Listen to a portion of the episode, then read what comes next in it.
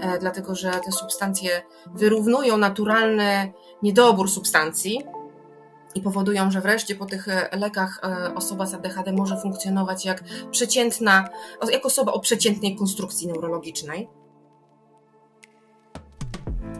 Cześć, nazywam się Ola.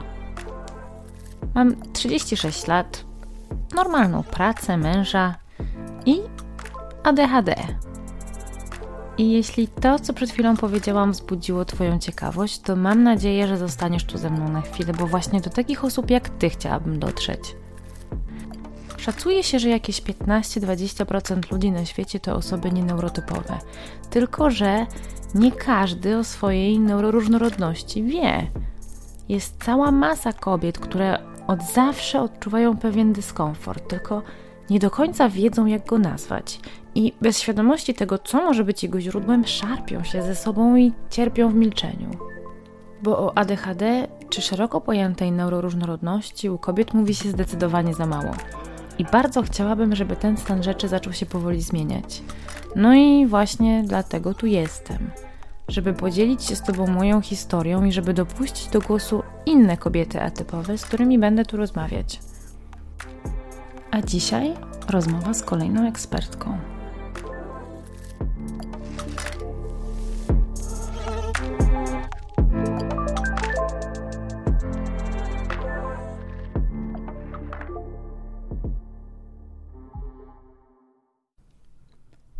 Dzisiaj kolejny z serii odcinków, do których zapraszam ekspertki i ekspertów. I jednocześnie druga część mojej rozmowy z dr Venesą Gajos, psychiatrką i psychoterapeutką integracyjną, kierowniczką poradni ADHD u dorosłych Centrum Terapii Dialog. Dr Vanessa Gajos swoje kilkunastoletnie doświadczenie w pracy z pacjentami i pacjentkami zdobywała m.in. w klinice Instytutu Psychiatrii i Neurologii oraz w klinice stresu bojowego Wojskowego Instytutu Medycznego w Warszawie – jest ona także autorką licznych publikacji oraz tłumaczeń tekstów naukowych z zakresu psychiatrii. Dr Vanessa Gajos specjalizuje się w diagnostyce i leczeniu ADHD u dorosłych i pewnie część z Was słyszało ją już w innych podcastach czy wywiadach. A jak wspomniałam, jest to druga część naszej rozmowy.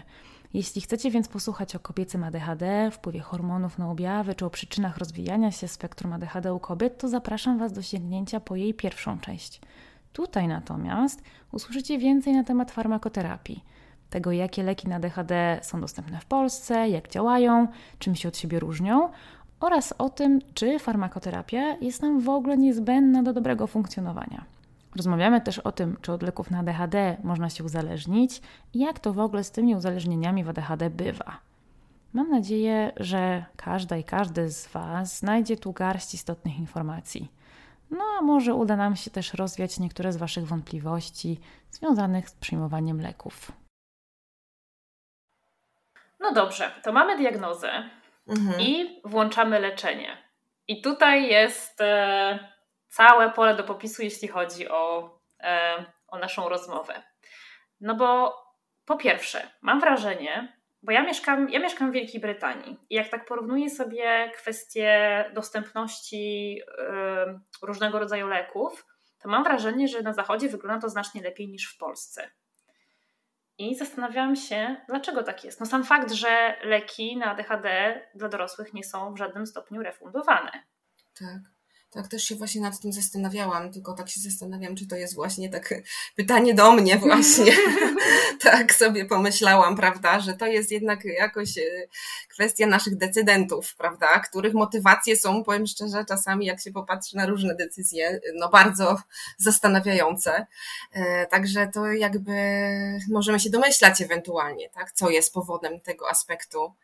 E, ale no to może wracając do tego pierwszego punktu, o którym rozmawiałyśmy, czyli o tej wiedzy, tak? No jeżeli przez lata się w ogóle w grem, wśród gremiów takich eksperckich raczej o tym specjalnie nie mówiło, no to też trudno liczyć na to, że, że jak się nie rozpoznawało, to nawet nie było potrzeby leczenia. Też weźmy pod uwagę, że te firmy farmaceutyczne, one tam jakimiś pewnie się kierują e, marketingowymi aspektami i, i patrzą jakby na ile jest zapotrzebowanie w danym kraju i wtedy tam uruchamiają jakieś machiny, prawda, lobbowania i tak dalej. Także to są pewnie takie mechanizmy, które może są mniej znane dla przeciętnego lekarza, tak? Mhm. w ogóle dla, my jako środowisko medyczne to się pewnie tym mniej trochę zajmujemy, jak to jest, że firmy farmaceutyczne w jednych krajach wprowadzają swoje leki na rynek, a w innych nie.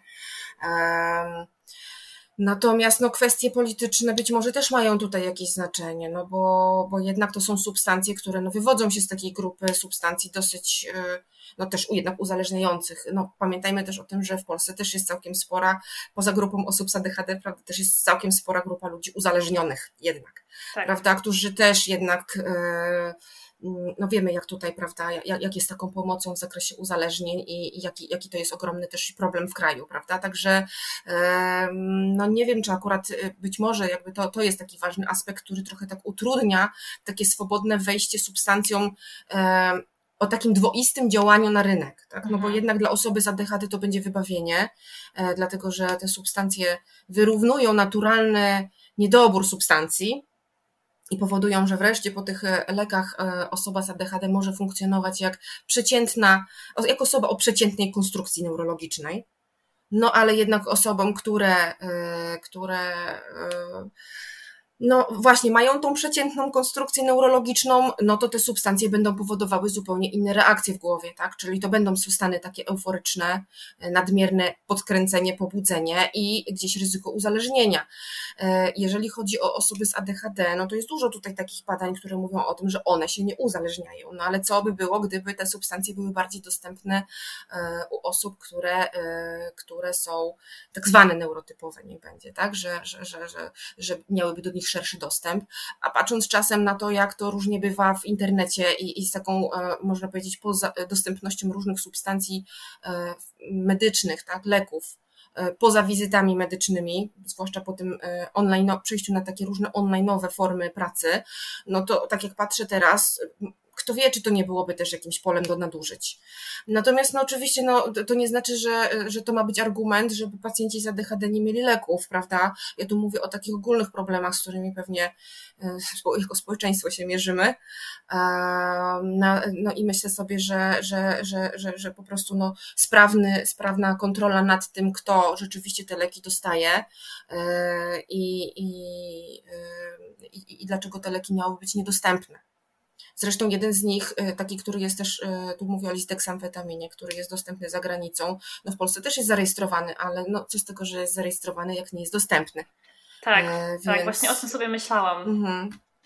Czy, czy są jakieś wiadomości na temat tego, czy to się ma zmienić w najbliższym czasie? Były jakieś plotki na ten temat, natomiast myślę sobie, że tak naprawdę to trzeba by u źródła sięgnąć, czyli tak naprawdę u firmy, która ten, tym lekiem jakoś dysponuje, no bo skoro jest rejestracja, a leku nie ma w hurtowniach, no to pytanie dlaczego?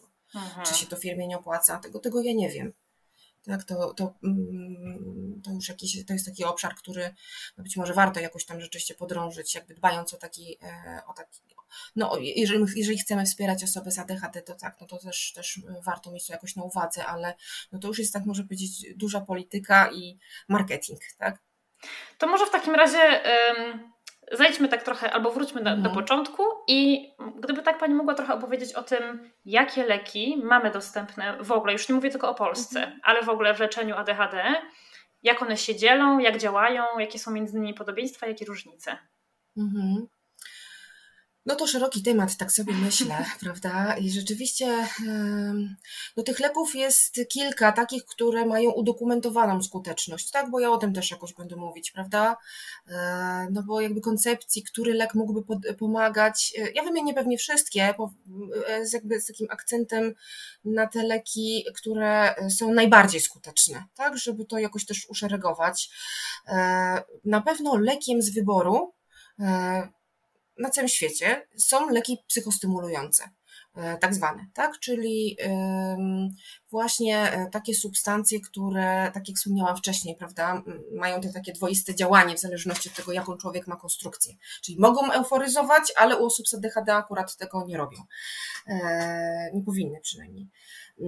No i do nich należą dwie grupy substancji. Tak? Jedna to jest metylofenidat, który jest bardziej powszechny w Europie, także to też nie jest tak, że, że my tu w Polsce oczywiście leczymy jakimś archaicznym lekiem, no bo metylofenidat jest powszechnie na całym świecie też stosowany i, e, i, i też jest dosyć skuteczny. Tak? W Europie raczej jest też preferowany jako, jako lek pierwszego wyboru.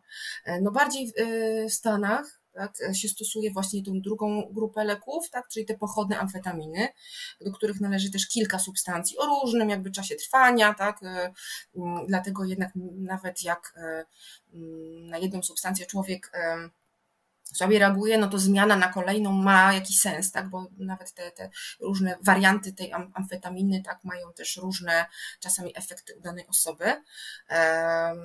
No to więc pochodne amfetaminy, metylofenidat, jak, czyli te substancje psychostymulujące, jako takie leki pierwszego rzutu. A dlaczego pierwszego rzutu? No dlatego, że mają w sumie najlepsze też e, e, wyniki, tak, jeżeli chodzi o skuteczność.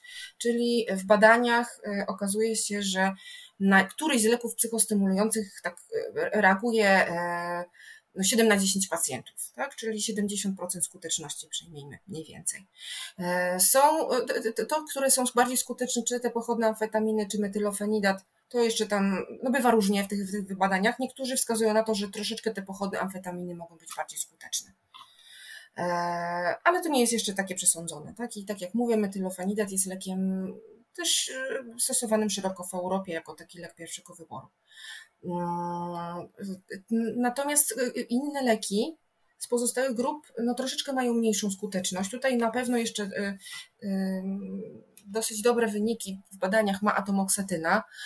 Ta skuteczność, jak już tutaj tymi procentami się posługujemy, no to będzie około 60%, czyli troszkę mniej niż osobę z niż, niż w przypadku e, metylofenidatu czy innych substancji psychostymulujących. I w praktyce rzeczywiście też się to okazuje, że, że, że, że troszeczkę no rzadziej, rzadziej daje te efekty. No i to są takie dwie substancje o najbardziej udokumentowanym wpływie. Dosyć też dobre wyniki, ale na pewno nie tak dobre jak tych dwóch pozostałych, tych, tych, tych, tych co wymieniłam już do tej pory. Tak? Y, są takie leki, y, które y, pochodzą z grupy leków na, na nadciśnienie. To jest klonidyna i guanfacyna. Tak? To w ogóle o przedłużonym działaniu, więc w Polsce też w ogóle niedostępne i w ogóle niepraktykowane, a, a jednak w badaniach też jakoś tam się sprawdzają, czasem jako taki też dodatek do, do tych właśnie pierwszych kuracji. No i kolejne leki, jest ich jeszcze kilka, tak, które gdzieś tam opisywano, że działają, e, ale to już jest skuteczność na poziomie 20-30%, więc no to nie jest na tyle optymistyczny wariant, żeby tutaj zalecać to każdemu pacjentowi i w praktyce rzeczywiście też często bywa to jakoś tam rozczarowujące. No to e, jakie to są substancje? To jest e, bupropion, najczęściej w jakichś tam wyższych dawkach, 30, mm, około 30% skuteczności, tak? Także no, mm, zadziała lub nie zadziała. E, kiedyś był tam właśnie w standardach, teraz widzę, że coraz mniej się go tam umieszcza jako taką substancję, która, e, która miałaby tutaj działać. E, modafinil, który jest stosowany raczej w mm, problemach związanych z zaburzeniach snu, takich głębszych nadmiernej senności czy, czy narkolepsji, e, więc, e, więc to, ale też e, wyniki są takie niejasne i nie jakieś takie spektakularne. Moklobemid niektórzy stosują, no ale to też jest tak, że to nie jest idealna substancja lek starszej generacji, mnóstwo różnych ograniczeń przy jego braniu. Um, także z takich klasycznych, z takich opcji, które tutaj bierzemy pod uwagę, no to to są takie, takie e, czyli część dostępna, część mało praktyczna, najbardziej praktyczne są te y, pierwsze, które wymieniłam, tak? czyli y, leki psychostymulujące i atomoksetyna w takim podsumowaniu. To jaka jest różnica w działaniu leków psychostymulujących i atomoksetyny w takim razie, skoro jedne, jedne są bardziej skuteczne niż, niż, niż drugie? E, no to jest tak, że um, pewnie jakby pewnie, może tak będzie troszeczkę w tej proporcji tych neuroprzekaźników może mieć to jakieś znaczenie, tak, że e, troszeczkę no, mają inny mechanizm działania, niby też działają na synapsy, zwiększając jakby taki e, międzysynaptyczny poziom noradrenaliny i dopaminy. No ale jakby e, tak, tak może być, że tutaj jakby rzeczywiście ten poziom dopaminy, tak różnicę między ilością tak, e, i między obszarami, w których te leki działają, tak, to, że to da, przekłada się na jakiś tam efekt kliniczny. No to jest ciekawe, że akurat metylofenidat, prawda, czy e, pochodne amfetaminy mają takie działanie natychmiastowe na tu i teraz, czyli e, bierze się je, mhm. prawda, i one działają e, natychmiast, doraźnie, tak, można powiedzieć, nie powodują trwalszych jakby takich zmian. Natomiast atomoksytyna ma tą różnicę, że trochę jest bardziej zbliżona do większości naszych leków przeciwdepresyjnych, czyli jakby tak z takim opóźnionym zapłonem działa, tak, potrzebuje takiego rozruchu na, na działanie. Także to też będzie taka znaczna różnica pod względem jakby takiego odbioru leku, no bo przy metylofenidacie człowiek jednak jest troszkę bardziej narażony na wahania, no bo bierze lek, no to ma efekt, odstawia lek, no to efekt spada. A jeżeli chodzi o tą atomoksytynę, no to może być jej przewaga taka, że właśnie ten efekt jest bardziej taki stabilny, bo jak już lek zacznie działać, to działa od rana do wieczora, prawda, i również i w nocy nawet, jak się człowiek zbudzi.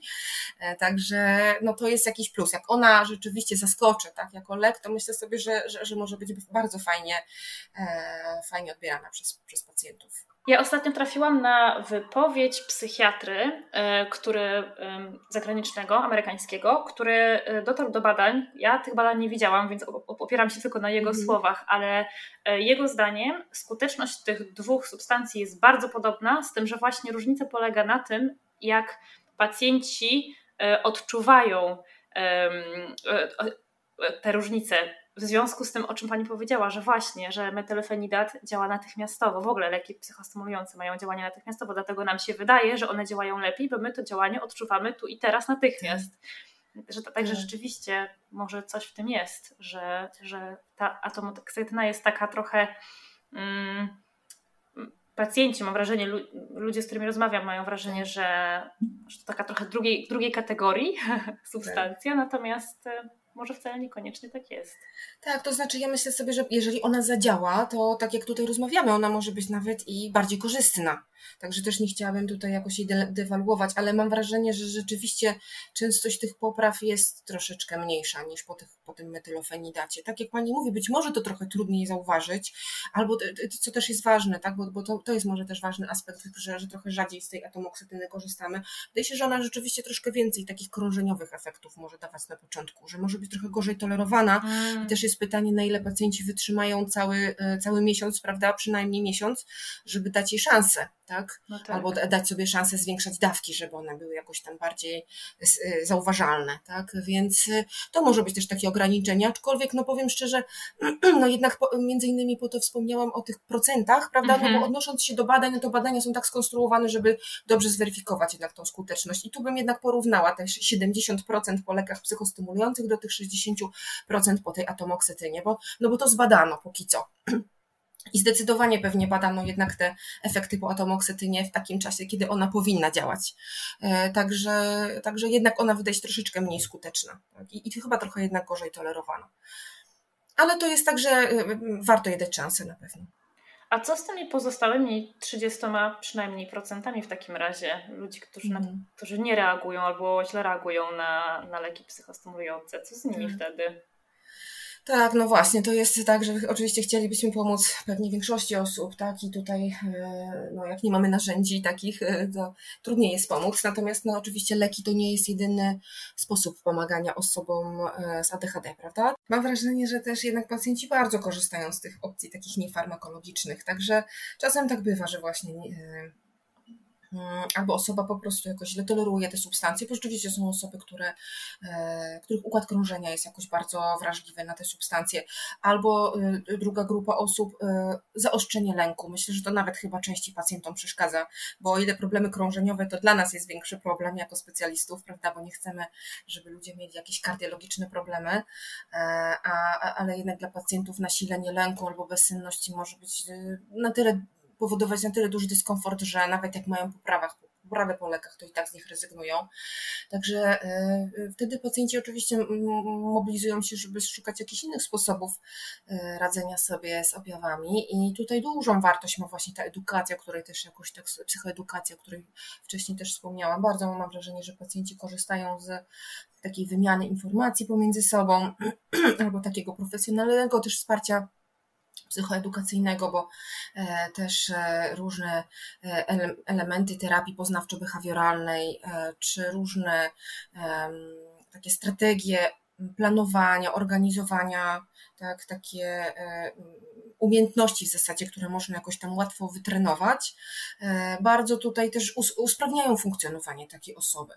Czasem tak bywa, że osoba na, na przykład zaczyna od leków, e, y, zaczyna jakby doświadczać siebie troszeczkę w inny sposób, przez co jest jakoś jej łatwiej zastosować różne dodatkowe metody, takie niefarmakologiczne, a potem stopniowo gdzieś tam schodzi z leków, bazując jakby na tym, co już jakby wyuczyła i ponieważ to już jest jakieś takie utrwalone, e, to spokojnie e, radzi sobie przy pomocy samych tylko takich niefarmakologicznych strategii.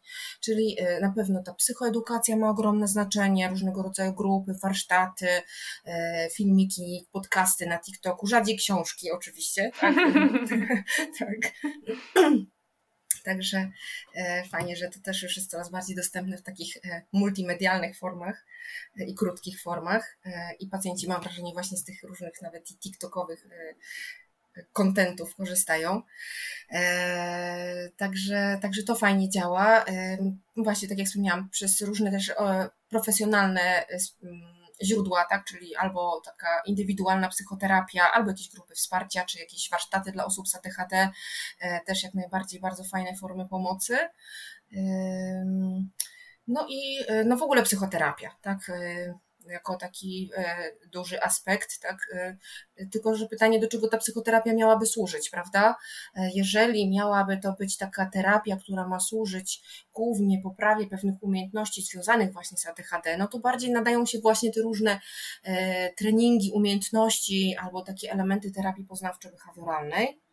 Natomiast jeżeli osoba z ADHD no w trakcie swojego życia mm, właśnie, albo rozwinęła różne osobowościowe trudności, tak, osobowościowe tak zwane, tak? Czyli trudności w relacji z innymi, trudności w, re, w relacjach z innymi, albo trudności w tym, żeby jakoś siebie dobrze traktować, e, no to wtedy wymaga po prostu już takiej dłuższej, e, no długoterminowej właśnie ogólnej psychoterapii, która może dać tak naprawdę dużo większe efekty na poprawę jakości życia niż skoncentracja na samych adechadowych objawach już na etapie życia dorosłego. Mhm.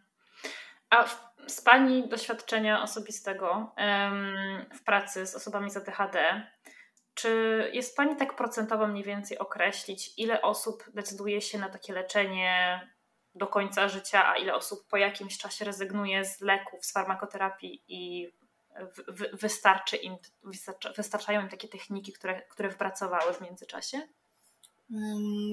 Znaczy, trudno mi jest powiedzieć, jakie to są statystyki, tak? bo to um, praktyk, znaczy badania na pewno pokazują, tak? czy badania, czy też doświadczenie kliniczne, że z racji tego, że ADHD też w jakimś stopniu zmienia trochę obraz z czasem, Albo właśnie tak jak wspomniałyśmy też wcześniej, no jakby mogą okoliczności życiowe troszeczkę się zmienić, tak.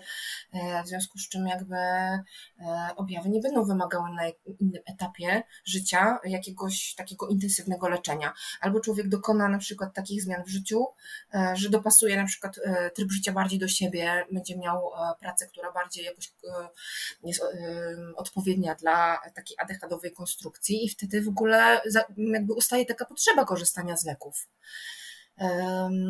Także na pewno jakby nasze doświadczenie kliniczne i badania pokazują, że wraz z upływem lat y, jest taka szansa, że żeby odstawić leki, i osoby nawet z dużym nasileniem objawów podejmują takie próby, tak? I to się po, po, po, czasie może spokojnie udać, ale myślę sobie, że to jest bardzo, bardzo indywidualne i bardzo zależne też właśnie od mm, sytuacji życiowej tej osoby, od jej też objawów tak naprawdę wyjściowych. Tak. Mhm. E, więc jakby chciałam wspomnieć właśnie jeszcze na temat tego, że że ta potrzeba korzystania z leków może, może po prostu się zmienić.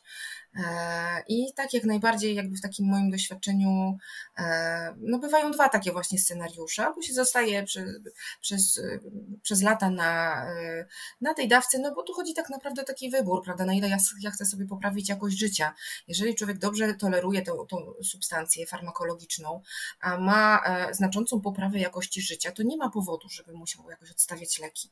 Jeżeli tylko może, to jak najbardziej to jest bardzo dobry wybór, bo, no bo, no bo jakby chodzi tutaj o to, żeby móc się spełniać jako człowiek na różnych polach i, i doświadczać tej satysfakcji z życia, tak? czy jako pracownik, czy jako rodzic, czy jako przyjaciel.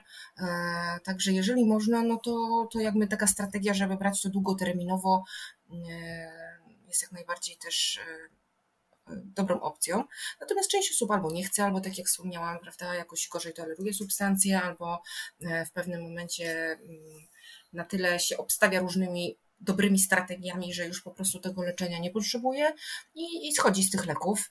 No, tak jak wspomniałam, to też od y, ilości tych objawów zależy, czyli jeżeli człowiek ma naprawdę bardzo nasilone ADHD, bo jednak też bardzo ludzie się różnią między sobą pod tym względem, e, to bywają czasem takie łagodne trudności, a czasem no to jest tak, że mm, no w zasadzie czy ta impuls, impulsywność jest taka nie do okiełznania zupełnie, albo te problemy z koncentracją są tak masywne, że to jest jakby zupełnie nie do przeskoczenia, no to jakby opcja farmakologiczna jest wtedy jakby takim naprawdę kluczowym narzędziem. E, także tutaj też e, to jest tak, pamiętajmy o tym, że to jest spektrum ADHD i że, że, że osoby też z, tym, e, z tą konstrukcją bardzo się różnią między sobą i co będzie dobre dla jednej, nie będzie optymalne dla kolejnej. Mhm. A jeszcze są takie dwie kwestie, i to są tak, takie pytania, które najczęściej mam wrażenie się pojawiają w przypadku osób, które zaczynają farmakoterapię. Po pierwsze, kwestia uzależnienia od leków psychostymulujących, a po drugie, taki wzrost tolerancji na, na, na przyjmowane dawki. Czy rzeczywiście tak jest, że ta, ta tolerancja rośnie i musimy te dawki zwiększać? Czy, czy, to, jest, czy to jest nasze subiektywne odczucie? Mhm. Um, no to jest też taki też wa ważny temat i często się pojawia takie pytanie ze strony pacjentów, także też rozumiem, e, rozumiem jakby wątpliwości i zresztą e, lekarze i naukowcy też mieli takie wątpliwości. Dlatego badań a propos uzależnienia od substancji psychostymulujących u, osób z ADHD jest multum. Także to jest chyba jeden z bardziej przebadanych aspektów. Tak naprawdę chyba ten lęk przed tym uzależnieniem po tych substancjach psychostymulujących był tak duży, że skłonił badaczy do naprawdę mnóstwa różnych badań. I jakby no większość z nich jakby jednoznacznie tutaj mówi o tym, że osoby z ADHD w większości się nie uzależniają od tych substancji. I że prawdopodobnie te osoby, co się uzależniają, to raczej są to osoby, które mają już jakąś predyspozycję do uzależnienia. E, także tutaj oczywiście taka czujność, tak, czy, taka, czy osoba z ADHD ma też jakby współistniejące różne problemy z uzależnieniem w innych obszarach na przykład, tak, czy w ogóle ma takie nałogowe tendencje, ona nam jakby, czyli tutaj to trochę ważne jest, żeby lekarz miał taką czujność, tak, czy dana osoba może ewentualnie być w jakiejś takiej grupie ryzyka uzależnienia, bo takie rzeczy rzeczywiście się zdarzają, ale nie jest to wcale nagminne. Także też takie obawy, także się od tego uzależnie, e, są uzasadnione, ale one się zupełnie nie potwierdzają. Mam takie raczej doświadczenie, że pacjenci no, szukają raczej pomocy i większość osób raczej chce, e, jak słyszy uzależnienie, to przeżywa, prawda, wręcz lęk, tak, że, że, że tu mogłaby sobie jakoś krzywdy zrobić i że wcale nie mam takich obserwacji, żeby osoby z ADHD jakoś masowo nadużywały tych substancji albo dążyły do jakichś ekstremalnych dawek. E, także najczęściej w praktyce to bywa tak, że większość osób decyduje się na zatrzymanie się na takim poziomie dawki, który na tyle poprawia im jakość życia, że są w stanie realizować takie kluczowe dla siebie cele. Nawet powiem szczerze, czasem nie dążąc do tego, żeby to była taka ekstra poprawa. Mhm. E, tak, także mam wrażenie, ja mam raczej takie doświadczenie takiej dużej ostrożności raczej osób z ADHD, żeby, poza tym osoby z ADHD też nie zawsze dążą do tego, żeby w 100% uzyskać poprawę po leku, dlatego że jakby ta konstrukcja też e, jest jakimś elementem tożsamości e, i osoby nie chcą być po prostu, czuć się cały czas inne jakoś, tak, niż kiedyś, tak, albo czasem czerpią z objawów, objawów ADHD-owych jakieś tak. korzyści, tak, przecież to nie jest tylko i wyłącznie kwestia strat, tylko też jakiegoś potencjału, jakichś y, ekstra możliwości, których inne osoby nie mają.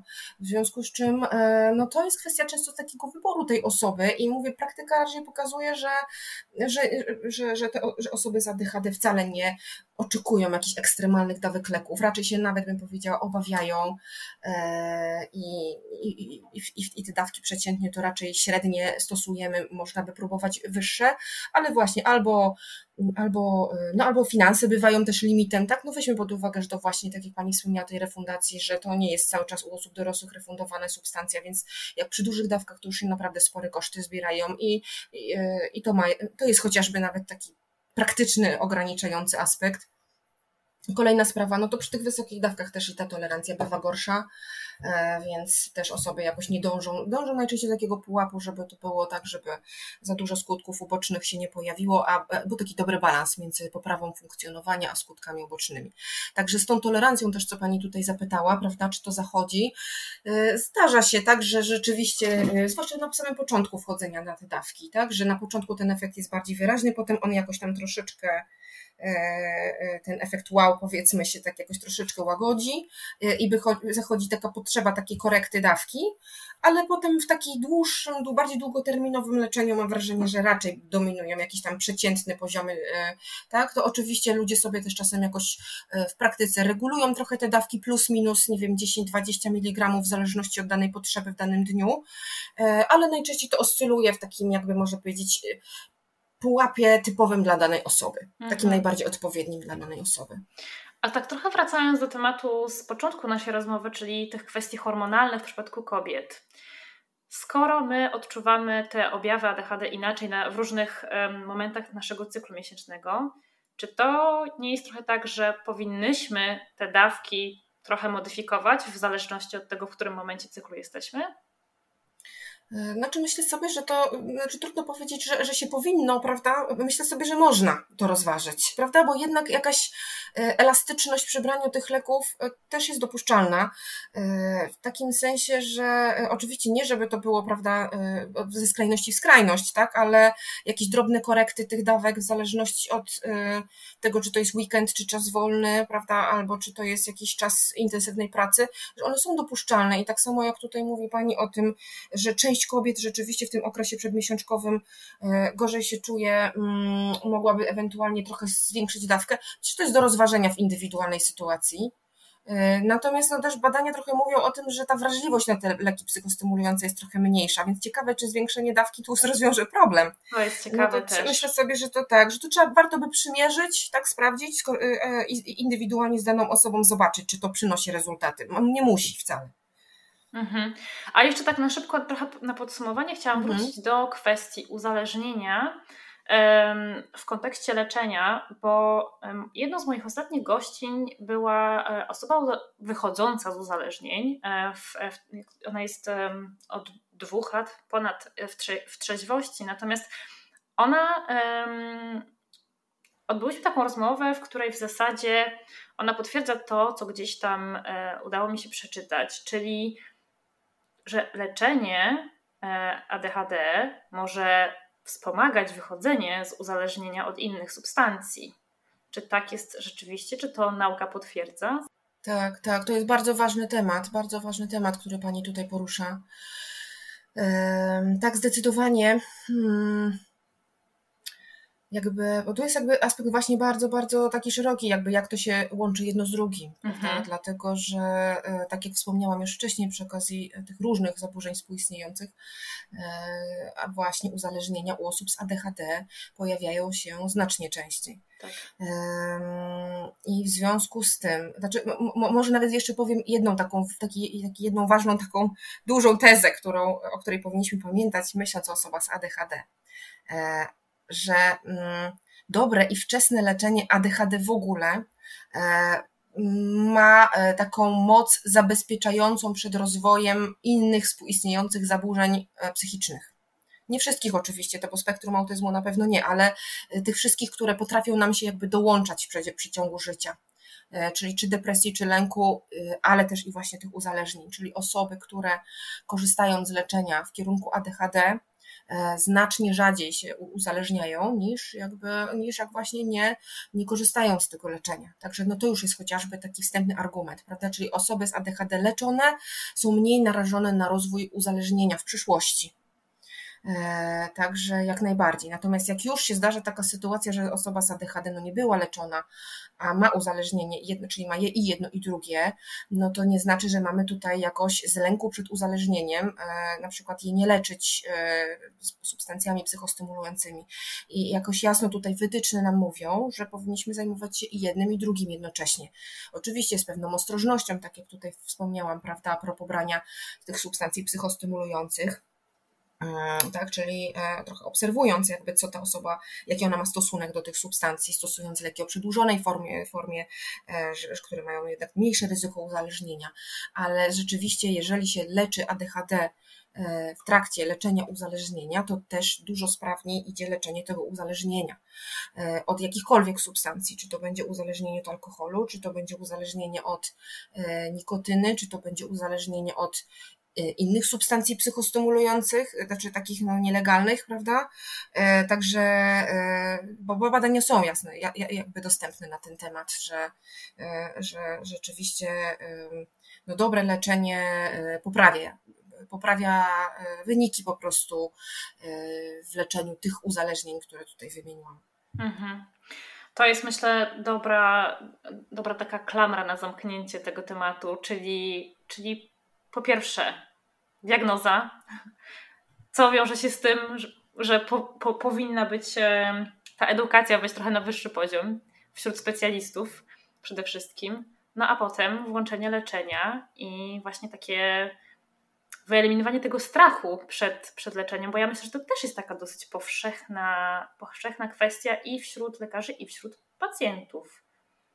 Tak, tak, bo właśnie myślę, że chyba pewnie ze względu, ze względu na to takie odium e, związane z, z, właśnie z tymi substancjami psychostymulującymi, tak, mhm. które wcześniej postrzegaliśmy głównie jako no jednak substancje narkotyczne. Tak. Bo wracając do, e, prawda, już od lat wiemy, że amfetamina ma takie działanie, prawda, a nie inne i że wielu, wielu osób no, w jakiś sposób na, uszkodziła, naraziła na różne poważne krążeniowe konsekwencje albo jakieś stany psychotyczne, prawda, no bo konsekwencje substancji psychoaktywnych, no to są już bardzo, to osoby specjaliści tu zależni tutaj mogą się rozgadać w tym temacie, e, no ale to jest powszechna wiedza, no i my to wiemy, prawda, że takich rzeczy nie wolno brać, prawda, to są substancje nielegalne i potem jak tutaj nagle się okazuje, że część osób jakby musi to brać, no to się nagle pojawia taki rozdźwięk, taki zgrzyt, prawda, a jak to? Więc jak najbardziej właśnie to uzupełnianie wiedzy, prawda, tak jak Pani wspomniała, że to jest rzeczywiście nasz taki cel, ale to też na pocieszenie też wspomnę, że tej wiedzy wśród specjalistów jest coraz więcej, no chociażby patrząc pod kątem ilości różnych czy publikacji na ten temat, czy różnych też takich spotkań, czy jakichś kongresów medycznych, konferencji, czy psychologicznych, coraz więcej w tej branżowej prasie, czy na różnych różnych spotkaniach się na ten temat wiedzy pojawia i, i ludzie są coraz bardziej na to otwarci, więc myślę, że parę lat i, i będzie już całkiem dobrze. Tak, ja myślę, że rzeczywiście to jest trochę tak jak w przypadku depresji i innych zaburzeń e, kilka lat wstecz. Jesteśmy na tym etapie, że ten temat zaczyna się coraz bardziej, zaczyna wchodzić na salony. Nawet tak, w śniadaniówkach tak. o nim mówią, także chyba idzie, tak. idzie ku, ku lepszemu. Tak, tak.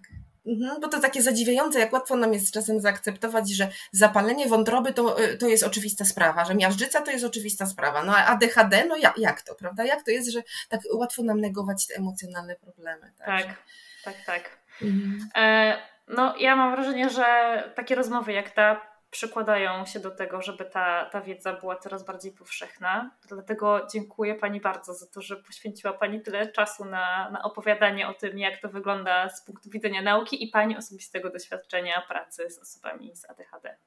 Bardzo dziękuję za rozmowę. Dziękuję również.